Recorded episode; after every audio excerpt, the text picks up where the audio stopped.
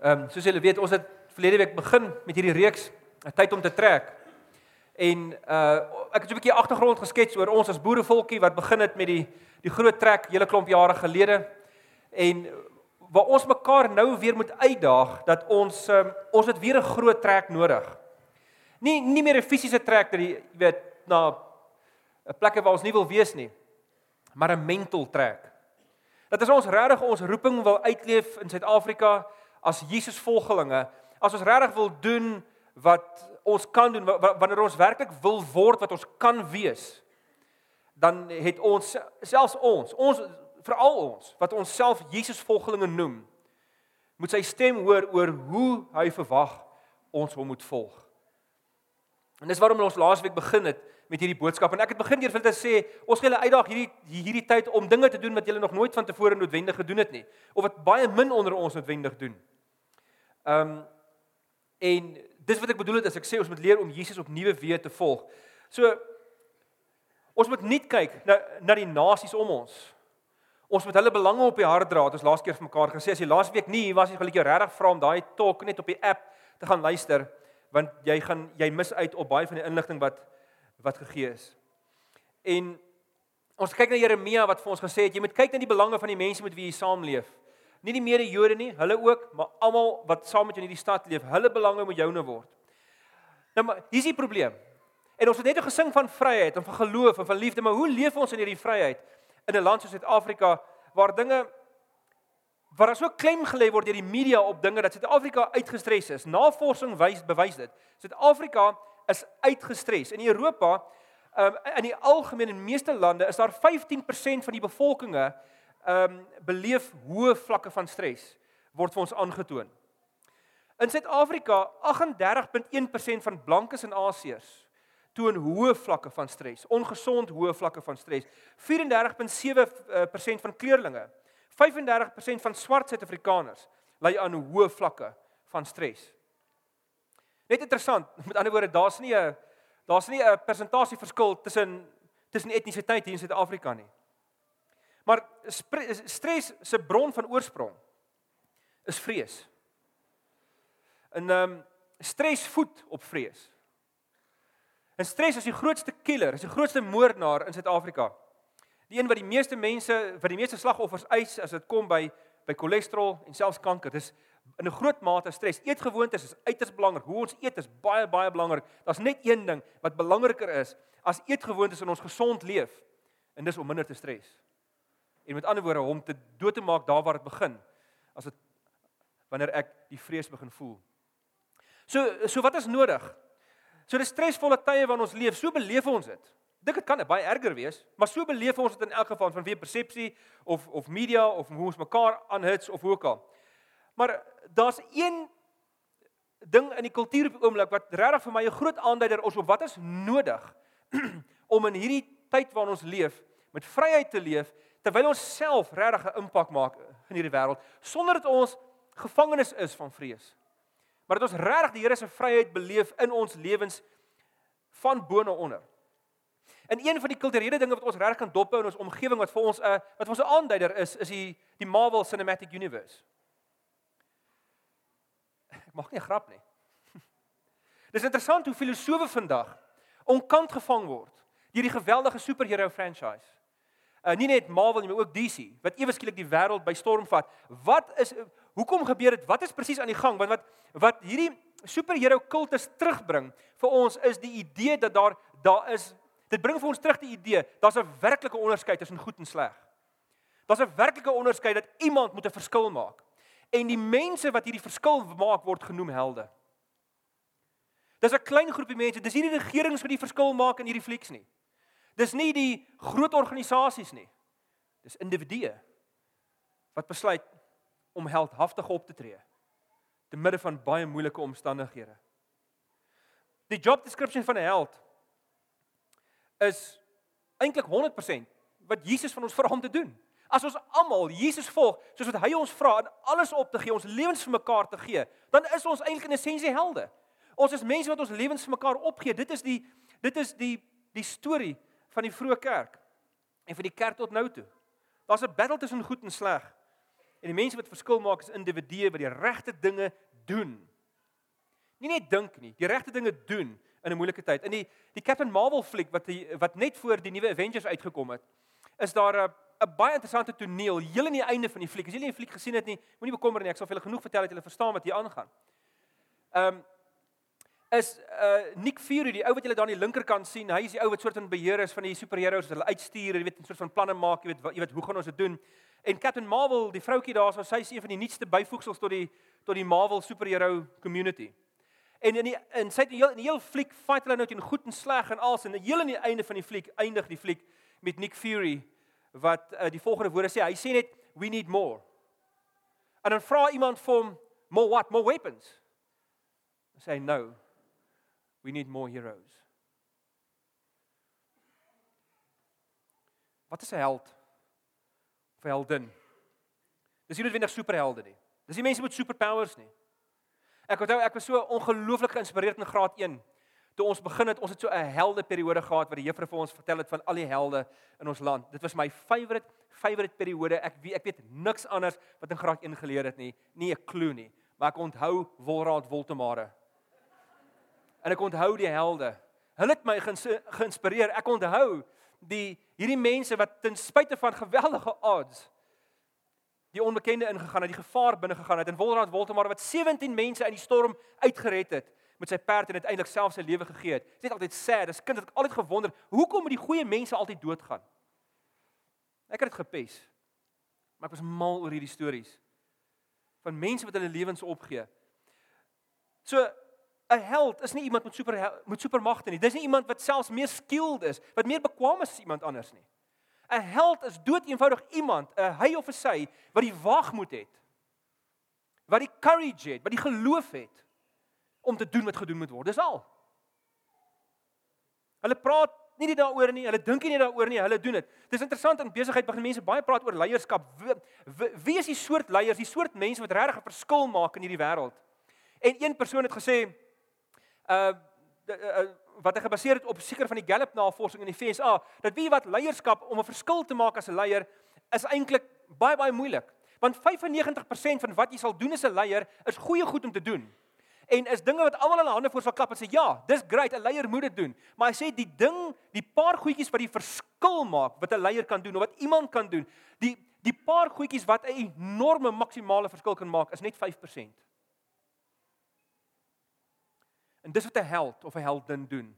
Hulle is bereid om die 5% te doen wat regtig ingrypende verskil maak. En dis waar ek vanmôre met julle wil praat. Almal van ons neem ek aan, meeste van ons is goeie mense. Ons volg die Here soos wat ons graag veronderstel is om te doen. Ons probeer ons bes, ons leef vir hom, ons bid gereeld, ons lees die Bybel, ons leer dit ken. Maar dit is 95%. Dis nie sleg nie, dis goed.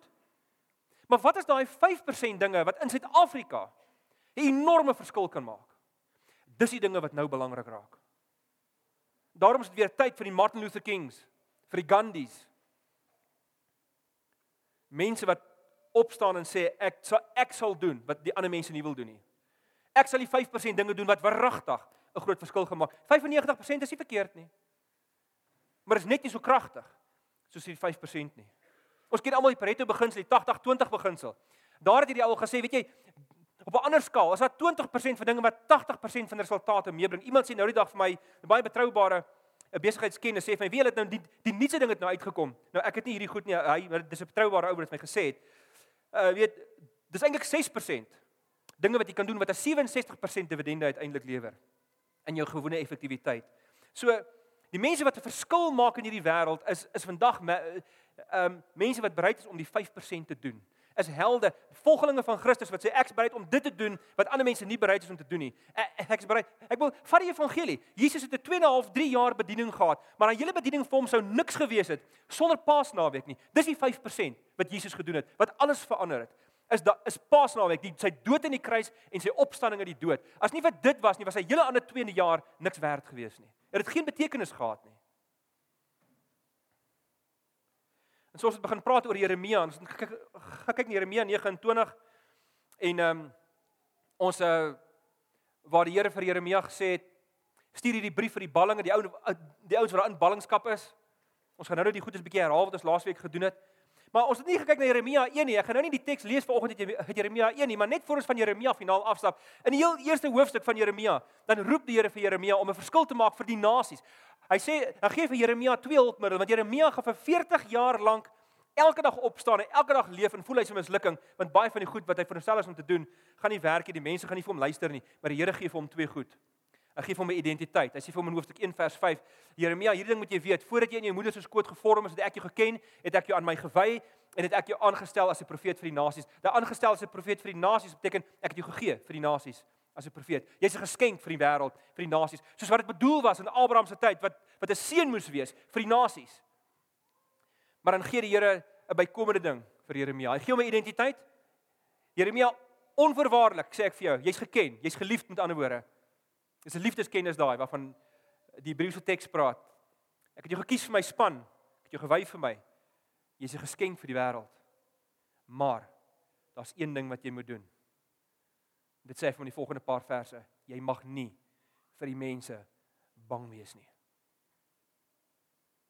Jy mag nie vrees nie. En hy sê dit twee keer in daai daai roepingsteks, want dan sal jy hulle nie kan help nie. Dan sal jy gedurig net as jy dit nie kan doen nie, dan gaan jy gedurig laer trek en jy gaan net jouself raak sien. So ek het laasweek begin eers vir hulle te sê ek en Anton gaan hierdie 3 weke met julle praat oor basies 10 gebooie vir 'n Jesus lewe in Suid-Afrika. En ons het daarmee begin verlede week. Ek gaan die eerste 5 wat ons laasweek gedoen het net deurlees, niks oor hulle sê nie. En dan gaan ek aan na die wat vandag relevant is. Ek ek hou vandag op om myself as 'n verontregte te sien en oefen myself eerder om sterk te word sodat ek enige storm kan trotseer, kan face. 2. Ek sal die ganse lewe in Suid-Afrika aanvaar soos dit is en nie soos ek dit graag wil hê nie. Dit gaan immers nie oor my nie. En hierby bedoel ons nie aanvaar die korrupsie nie op 'n morele vlak nie. Dit beteken net jy's nie afhanklik van dit om vir jou lewensgeluk te voorsien nie. Derdens, ek sal nie my ore uitleen aan bedrieglike profete wat vals hoop saai nie. Ons het mekaar gesê hoop is belangrik uiters belangrik, maar nie vals hoop nie. Luister na verlede week se praatjie. Vierdens, ek weier dit populêre en publieke opinie my emosies en sienings bepaal en sal eerder proaktief my eie nuwe Jesus oë ontwikkel vir Suid-Afrika en alle mede-Suid-Afrikaners. En laastens, ek sal intentioneel brûe bou tussen rasse in Suid-Afrika deur middel van eh, kusynspel. En dit moet ek net vinnig verduidelik met ons vanoggend weer daarbey aansluit. By kusynspel het ek gesê, laat laat jou kusyn die getuie wees wie watter ander Suid-Afrikaners deur hom stap. Laat jy laat jy kusyn die getuie wees oor watse mense jy deur die kusyn laat stap. Is dit net mense wat soos jy lyk ryk en praat? Want die tyd het gekom dat ons die 5% moet begin doen. Ons moet anders kleuriges deur ons kusyne laat begin stap. Ons moet begin vriendskappe smee op 'n breër vlak. Maar ons kom nou net daarby. Vanoggend die 6de ene My lewensvreugde sal nie afhang van my eksterne omstandighede in Suid-Afrika nie, maar primêr van my verhouding met God. Dit sluit eintlik in 'n groot mate aan by verlede week. Maar die ene wat ons volgende gaan stil staan, is die volgende ene. Ek sal nie vrees nie. Ek weier om enige besluite te neem gegrond op negatiewe emosies soos vrees, maar sal poog om my vrees te reguleer deur middel van my geloof in Jesus. As ek sê jy mag nie vrees nie, beteken dit nie ons mag nie vrees voel nie. Almal van ons voel vrees. Ons is veronderstel om vrees te voel. Maar as ons sê ek sal nie vrees nie, bedoel dit ek sal nie toelaat dat vrees my gevange hou nie. Want as jy in vrees lewe, sal jy nie sal jy 'n gevangene bly al sing jy watse liedjies, al sing jy hoeveel keer in 'n ry jy weet dat dan niks kan skerry bring tussen jou en God nie. Maar as jy nie leer om vrees te bemeester nie, sal jy nie vry wees nie en sy nie in hierdie land leef soos wat jy veronderstel is om te leef nie. So wat doen vrees in ons? Hoekom is dit so belangrik? Waarom is dit die mees gegeefde opdrag in die Bybel? Meer as 110 keer kom hy in die Bybel voor as 'n imperatief. Dis die dis die mees gegeewe bevel in die Bybel. Moenie bang wees nie. So kom ons lees 'n paar verse saam met Matteus 14 wat baie relevant is vir vir geloof en dan maak ons 'n paar opmerkings van daardie af. Ehm um, Jesus is hierso saam met sy disippels is hy besig, hy stuur hulle op 'n boot om te gaan daarna die oorkant ehm um, van die see van Galilea. Hy los hulle en dan dan stap hy op die water agter hulle aan. En dis wat toe gebeur. Met dagbreek die volgende môre het hy op die see na hulle toe aangeloop gekom. Dis nou Jesus. Toe sy disippels hom op die see sien loop, het hulle groot geskrik. en gesê dis 'n spook. Van angs dat hulle hart begin skreeu. Maar Jesus het dadelik met hulle gepraat en gesê: "Wees gerus, dis ek. Moenie bang wees nie." Maar Petrus sien toe, uh, ekskuus, maar toe Petrus sien, dis in daai opstaan Petrus en op die water begin loop, maar toe Petrus sien hoe sterk is die wind, het hy bang geword en begin sink en uitroep: "Here, red my." Dadelik het Jesus sy hand uitgesteek, hom gegryp en vir hom gesê: "Klein gelowige, waarom het jy begin twyfel?" Dis baie duidelik in die Bybel dat die Here nie wil hê ons moet vrees nie. Dis baie duidelik. Want vrees trek jou kyk vermoë skeef. Vrees maak dat jy ding nie sien soos wat dit werklik is nie. Vrees maak dat jy mense verdink van snaakse gewoontes en stupid goed wat hulle nie noodwendig self aanskuldig is nie. En, en dis die belangrike ding wat hier gebeur in die storm is. Hierdie ouens begin bang word omdat hulle sien daar's iemand, daar's 'n figuur op die water. En hulle skrik hulle dood en is nog binne in die storm ook. So die konteks van waar hulle hierdie kyk werk doen, is nie eintlik vreeslik se vir 'n 'n vreeslose, weet vir vir 'n vreeslose belewenis nie. Maar hulle sien iemand op die water en hulle skrik hulle dood en is 'n hulle dink is 'n spook en omdat hulle iewers skielik die vrees hulle toeslaan, kom Jesus al hoe nader en nader en hulle erken hom steeds nie. Totdat hy moet sê, "Hey, hey, kalmeer, kan jy nie sien nie, maak op julle oor, dis ek." En dis waarom vrees so belangrik is om te oorkom, want as jy vrees, dan sien jy God nie in die storm raak nie. Jy mis hom. Jy sien net die storm. Jy sien net die spookagtigheid. Vrees trek jou prentjie van van realiteit skeef. Jy sien nie die ware mens raak wanneer jy hom terselfdertyd onbewustelik dalk vrees nie. En Petrus doen natuurlik die regte ding. Here, jy weet, laat, laat ek op die water na u toe kom. Toe hy sien is Jesus, toe verdwyn al sy vrees en hy klim op die water. Hy doen nie ondoenlike. Hy doen nie 5%. Maar die oomblik toe hy weer vrees toe sink hy. Vrees help niemand nie. Vrees is geskep vir ons om ons uit momentêre oombliklike gevaar te haal. Dis veronderstel om as jy in die natuur loop en jy kom 'n leeu teer dat jy boos weet jy van hier na daar 6 voet tot die hoogste jy weet die onderste tak kan gryp van 'n baie hoë boom daar bo kan sit. Dis wat vir jou brein jou laat vrees. Maar party mense leef gedurig in vrees en dit is uiters ongesond. En dis die Here se boodskap. Dit is wat ons laas keer in 'n groot mate oor gepraat het. Die Here sê vir hom: "Dis ek. Moenie bang wees nie. Ek ontmoet jou binne in die storm." Geloof is nie om te glo ek gaan nie in 'n storm beland nie. Ek was nou die aand by 'n vergadering gewees, toe sê iemand, ons moenie hierdie slegte goed oor Suid-Afrika uitspreek nie want jy weet uh ons moet 'n bietjie geloof hê. Ek voel amper gesê hy's 'n valse profeet. Maar ek dink ek dink dit by myself. Geloof is nie om te glo die slegte gaan nie gebeur nie. Mense het so 'n miskonsepsie van wat dit is. Geloof is om te weet dat God met jou is selfs wanneer dit sleg gaan. Selfs binne in die storm. Dat jy nie God verlate is nie. En dat die Here jou styf vashou en dat hy voor jou deur die kruis sy eie storm moes gaan. Maar die belangrike ding breinwetenskap ons die afgelope tyd leer oor vrees is van enorme belang. In jou brein is daar daar's vreeslik baie deeltjies, maar ek ek wil net praat van drie deeltjies baie vinnig. Die eerste deeltjie sal jy daar sien is 'n daai daai daai eh, streepie wat sê amygdala wys daarna so 'n groen so 'n groen turquoise gedeeltetjie. Jou amygdala is wat jy moet beheer. Jou amygdala is die gedeelte van jou brein wat jou vrees reguleer. En jy sien uit hom uit vloei daar so 'n rooi meroenerige stukkie, dis jou hippocampus. Jou hippocampus is ongelooflik belangrik want hy fasiliteer, hy access die derde gedeelte, die prefrontale korteks, jou jou denkende brein. Die een wat vir jou perspektief bring. Die een wat wat analities is en wat vir jou wat redelikheid na jou lewe toe bring. Nou wat belangrik is om te verstaan is, jou amygdala as wanneer hy die oomblik as hy vrees voel, hy's verskriklik vinnig. Jou jou amygdala is vinniger as jou denkende brein en daarom kan jy jou denkende brein uitskakel omdat hy so vinnig is.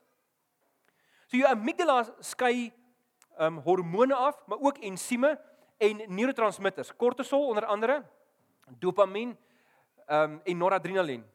Wanneer jy byvoorbeeld wanneer jy vrees en hy skei kortisol af, dan sien jou hippocampus veronderstel om dit op te neem en dan access hy die denkende brein wat vir jou perspektief bring as jy hom toelaat. Jy moet hom toelaat. om dit te doen. Sodat jy kan dat jy kan perspektief kry op jou vrees. Met ander woorde, is hierdie ding wat ek vrees regtig gevaarlik of kan ek dit maar laat gaan? Nou hier's die probleem. As iemand te veel vrees en dan skei die amygdala te veel kortisol af. En wanneer hy te veel kortisol afskei, dan beskerm die hippocampus homself op 'n manier dat hy hy weier later om die kortisol op te neem. En wanneer hy dit nie opneem nie, dan krimp die hippocampus. Jy doen letterlik hulle praat van breinskade in neurowetenskap. Jy, jy jy doen letterlik breinskade op. So wat gebeur as hy krimp? Hy kan nie die denkende brein access nie. Nou nou, nou het jy nie meer onderskeidingsvermoë oor wat's regtig gevaarlik en wat is nie. Nou vrees jy alles. Aanhoudend die hele tyd. En later krimp die hippocampus sodat hy byna non-existent is. En later het jy absoluut geen onderskeidingsvermoë meer oor nie. Jy jy loop rond as 'n bewende, bang, patetiese, swak mens. Wat vir niemand eintlik iets kan beteken nie. So die vreesstelsel in jou brein, die daai amygdala, eh, hy's by die definisie irrasioneel, want hy moet jou vinnig, hy wil jou laat optree sonder om te dink, want hy hy aktiveer jou vries, veg of flik aksies. As jy 'n as jy leeu teekom, jy het nie tyd om gou te dink en 'n kommissie by een te roep en navorsing te doen nie. Jy moet spring. Daarom moet jou denkende brein uitgesny word. Maar dit is net vir daai oomblik. Jy kan nie lanktermyn op daai goed leef nie. Nou die interessante ding is eh, in die boek wat ek laas keer vir 'n bietjie oor vertel het, uh Iconoclast van Gregory Burns, ehm um, sê ons vrees twee goed. Ons vrees die onbekende en ons vrees mislukking. Ons vrees dit selfs meer as die dood. So wat moet ons doen om ons vrees te beheer? Want die amygdala maak dit vir ons moontlik om vir ons geen perspektief te gee nie. Dit verlam ons tot die regte aksie en ons neem insiglose besluite. Terwyl ons dink ons dink. Maar die amygdala beperk jou akses tot die denkende brein, jou prefrontale korteks. Dis dis net amazing dat die goed nou uitkom. In die Bybel sê al eeue lank moenie vrees nie. Die mees gegeefde bevel in die Bybel. In neurowetenskap sê vandag vir ons vrees is die grootste gevaar in jou brein. Jou amygdala is die grootste gevaar. Jy het hom nodig. Maar as jy hom nie beheer nie, dan beheer hy jou. Dan sien jy jou maai in. Vrees is ongelooflik verlammend. Martin Martin Luther King het die volgende gesê oor vrees. Hy het gesê the soft-minded man always fears change. He feels security in the status quo and has almost a morbid fear of the new. For him, the greatest pain is the pain of a new idea. Daarom aanvaar bitter min mense die 5% wat jy moet doen. Want vrees hou hulle weg. So wat doen 'n mens? Wat doen ons om vry om vrees te oorkom? Jy doen die volgende. Jy face jou vrees met 'n liefdesaksie na die persoon of persone wat die vrees veroorsaak.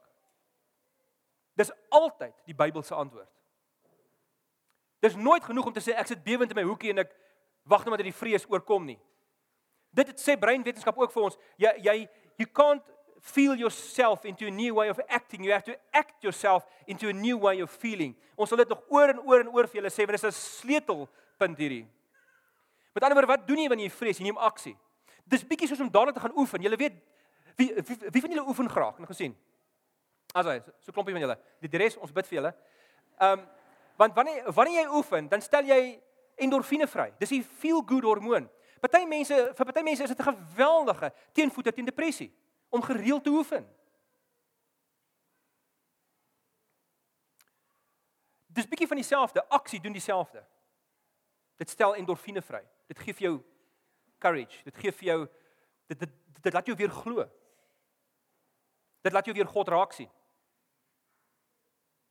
So jy kan nie wag tot die vrees verbygaan nie. Jy moet jy, jy jy jy gaan jou vrees net beheer deur die regte aksie te doen en hierdie aksie moet 'n liefdesaksie wees. Kom ons lees 'n bietjie wat sê Johannes ehm um, in sy brief. In sy heel in sy heel eerste brief. Hy sê die volgende. Hy sê ons ken die liefde wat God vir ons het en ons glo daarin. God is liefde. Wie in die liefde bly, bly in God en God bly in hom. Hierin het die liefde sy doel volkome bereik. Hoor nou. Hoekom is liefde so belangrik? Wat is die doel van liefde?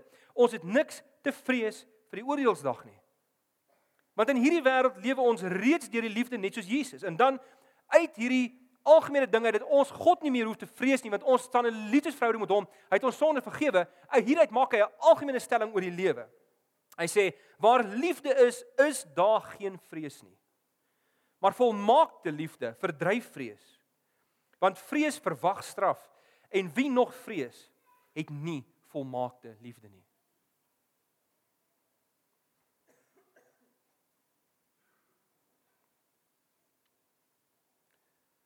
Dis hoe die lewe werk. Liefde laat vrees verdwyn.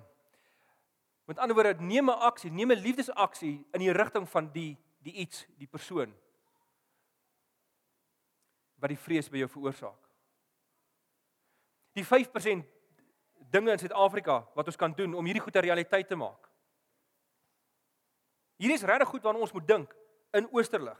Hierdie is nie pie in the sky idees nie, maar maar hierdie is 5% idees. Ek praat vanoggend met die 5%ers onder ons.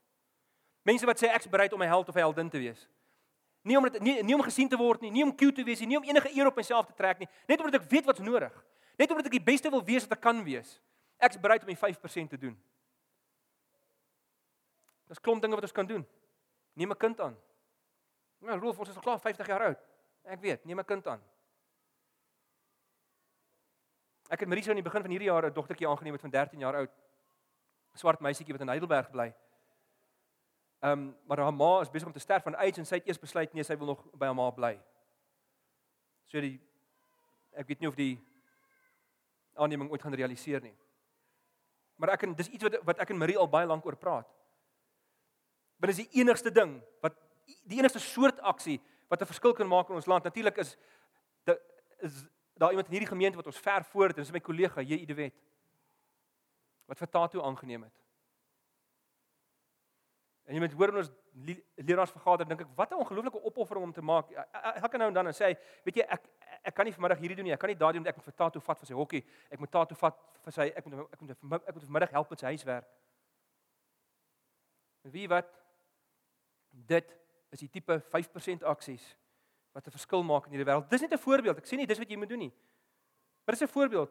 Groet waiters asof hulle jou lang verlore familie is en hanteer mense met radikale omgee in jou oë. Maak vreugdevol plek vir taksies op die pad.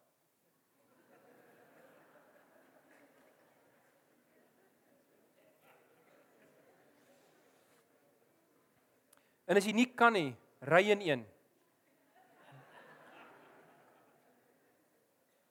Dit sal alles verander. Ek het al hele ek het seker 10 keer in 'n taxi gery.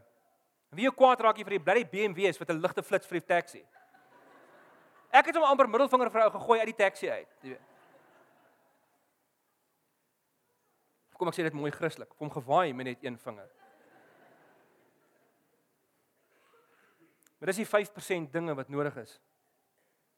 Weet julle wat 'n rol speel taksies in ons land? Ek weet hulle is irritasie. Is dit irritasie omdat jy dink is irritasie? Weet jy hoe duur so ons land ons land moes betaal met 'n publieke vervoerstelsel wat al ons werkers elke dag op al die plekke sou moes kry? Weet jy wat 'n rol speel die taxi struktuur in ons land? Met die infrastruktuur wat ons het, is dit die beste ding wat vir ons kan vra. Jy moet vir taxi smaai as my broer, vat jy die gaan voor. Julle julle julle bied 'n julle bied 'n diens in hierdie land. En al het hulle nie. So wat? Bou verhoudings, moenie mure bou nie.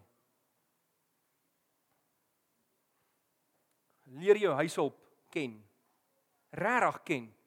Hoeveel kinders het sy? Hoe oud is hulle? Het sy klein kinders? Jou tuinhulp. Eet saam met hulle die dag wat hulle by jou werk aan tafel. Leer hulle ken. Liefde kan die kloof oorsteek van onbekend na bekend en bemind. Want ons vrees dit dit vir ons onbekend is. Ons vrees dit wat ons dink ons ken net op 'n afstand.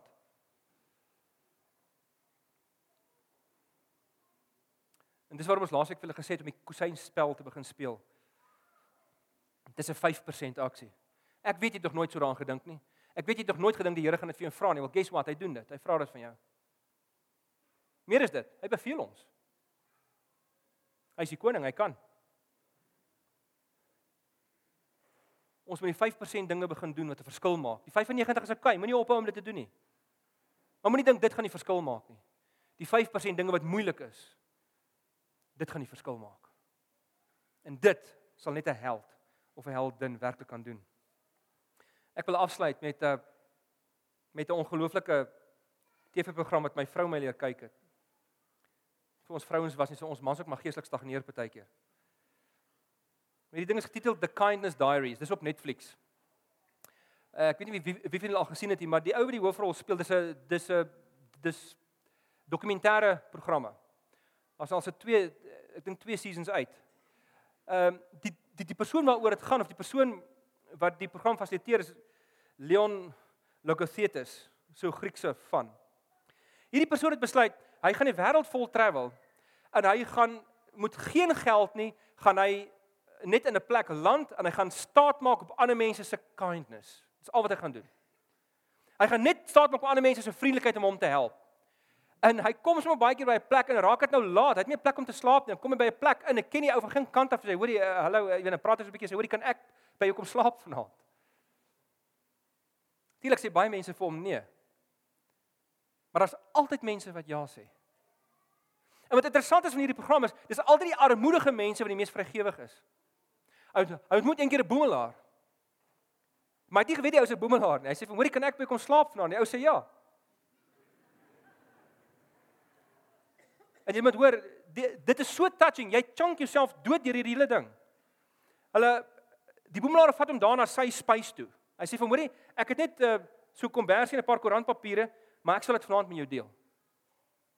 Jy kan nie by my kom slaap." Daai twee word vriende. Maar een van die mees ongelooflike goed wat hy doen is Hy kom in Kanada en hy ontmoet 'n persoon met die naam van Richard. Hy kom in so 'n snaakse Kanadese dorpie en almal sê vir hom, "Hoorie, eh, jy moet met hierdie ou gaan praat, Richard. Richard sal jou help." Richard Richard is 'n suksesvolle ehm um, reisagent. Maar elke Woensdag aand dan maak hy sy huis oop vir vlugtelinge, vir refugees, vir nuwe immigrante wat nog nie nog nie weet waar om te gaan nie. Hy gee vir hulle kos elke Woensdag aand by sy huis. Jy moet sien hoe lyk hy plek. Dis 'n orgie. Ek nie 'n regte orgie nie. Ek bedoel is nie te mekaar, né? Dit die ouens kom in en dit is net mense en is swart en wit en geel en bly, jy weet allerlei soorte mense in Riet en, en en Leon um, woon nou hierdie ding van Richard by. En hy vra uiteindelik vir Richard. Hy sê van wie jy um hoe jy weet dis ongelooflik hoe almal net mekaar meng en Jy weet jy vra vir een uit, waar kom jy vandaan? Hy kom van die Sudan af. Jy weet, waar kom jy vandaan? Nee, ek kom daar van die Mongolië af. Waar kom jy vandaan? Nee, ek ek's Amerikaanse Native American. Ons het westerlinge en mense uit Engeland en uit Europa ook by hulle betrokke. En hy vra, Leon vra vir Richard, weet jy, hoekom doen jy dit? En sê vir my, ehm um, hoe kry jy dit reg dat mense so by mekaar kom? Mense van allerlei soorte en dan antwoord Richard met die volgende woorde. Hy sê, I think the the biggest problem is fear based on just ignorance. They've never met someone from Iraq or Sierra Leone. And they've never met someone with a jihad on their head. And immediately it conjures up images of fear because that's what they read in the newspaper or somewhere else. So I think the best that we can do is expose people to that. And over time, people change. Ons het pioniers nodig. Mense soos Leon wat hierdie pad voorstap. Mense wat bereid is om die 5% te doen. Hoe great sal dit nie wees as Oosterlig 'n 5% community word nie. Die community waar mense bereid is om die 5% te doen wat regtig moeilik is. En die program sluit af waar Leon self praat en reflekteer oor hierdie ge gebeure en hy sê die volgende, hy sê I realized the importance of community and belonging. This world belongs to all of us. And we must find a way to share it because it's the only home we have. Suid-Afrika is die enigste tuiste wat ons het. Dink ek in wat meeste van ons wil hê. Maar ons moet hier kan leef met vryheid. Ons moet hier kan leef met die liefde van die Here en die manier hoe jy dit doen is jy skep community oor grense heen. Maak mense jou vriende wat nog nooit jou vriende was nie. Maak hulle bekend met jouself.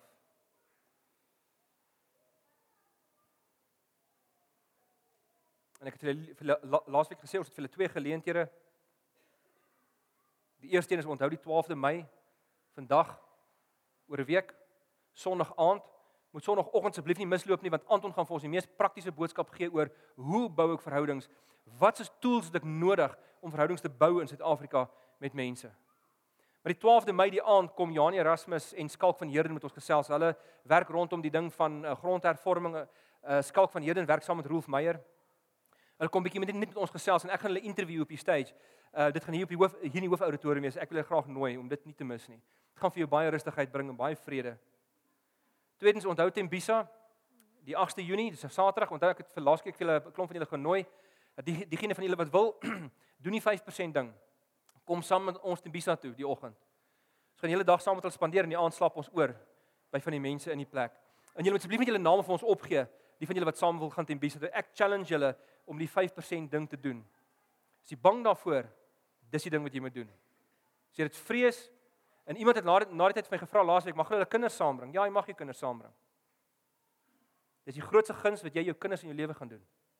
Dis om te help om nie bang te wees vir hulle mede-Suid-Afrikaners wat anders lyk as hulle nie. En die derde enetjie, weet jy wat? Kyk die Kindness Diaries. As jy wil prakties weet wat jy in Suid-Afrika kan doen, kyk na die Kindness Diaries en maak so. Dis ongelooflike lesse wat mense vir ons gee. Ek moet julle sê ek die enigste irritasie wat ek met kindness diaries gehad het was dat dit 'n ongelowige ou is wat hierdie lesse vir ons leer. Hoekom is dit altyd die ongelowige wêreld wat vir die kerk leer wat hulle moet doen? Want toe kyk ek so 'n bietjie op my neus, want toe kom ek agter hierdie ou se Christen. Hy's 'n gelowige wat hierdie dinge doen en ek dink toe that's my boy. Dis wat ons moet doen. Nou kan ek weer 'n bors 'n bietjie uitstoot oor ons as gelowige community. Dis wat nodig is. Maar om hierdie kommitment vanmôre te maak, ek sal nie bang wees nie. I will no longer be the slave of fear. Maar ek sal die Here glo vir die beste. Ek sal die Here vertrou. Dit maak nie saak wat gebeur nie. Die vertroue is nie dat alles sal gaan soos ek dit wil hê nie. Die vertroue is dat al gaan dit sleg, dat ek my karakter so sal bou dat ek die donkerste storm sal face met vreugde en met joy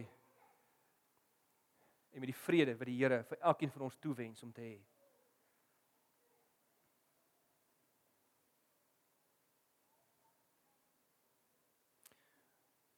So doen kom ons doen die gelowige ding ten spyte van vrees totdat vrees so klein word in ons eie gemoedere dat ons nie meer daarvan bewus is nie.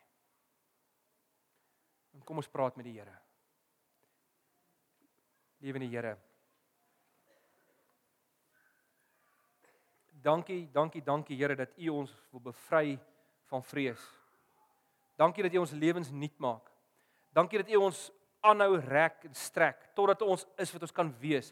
Dankie dat U nooit opgee op ons nie. Dankie dat U glo dat ons saam met die perde kan hardloop soos Jeremia se taal laasweek vir ons gesê het. U is nie tevrede daarmee dat ons saam met die voetsoldate hardloop nie, want ons kan meer wees as dit. Here help ons om meer te wees. Help ons om in vryheid te leef. En help ons om nie slawe te wees van vrees nie, maar om in liefde gemeenskap te bou in hierdie ongelooflike land van ons.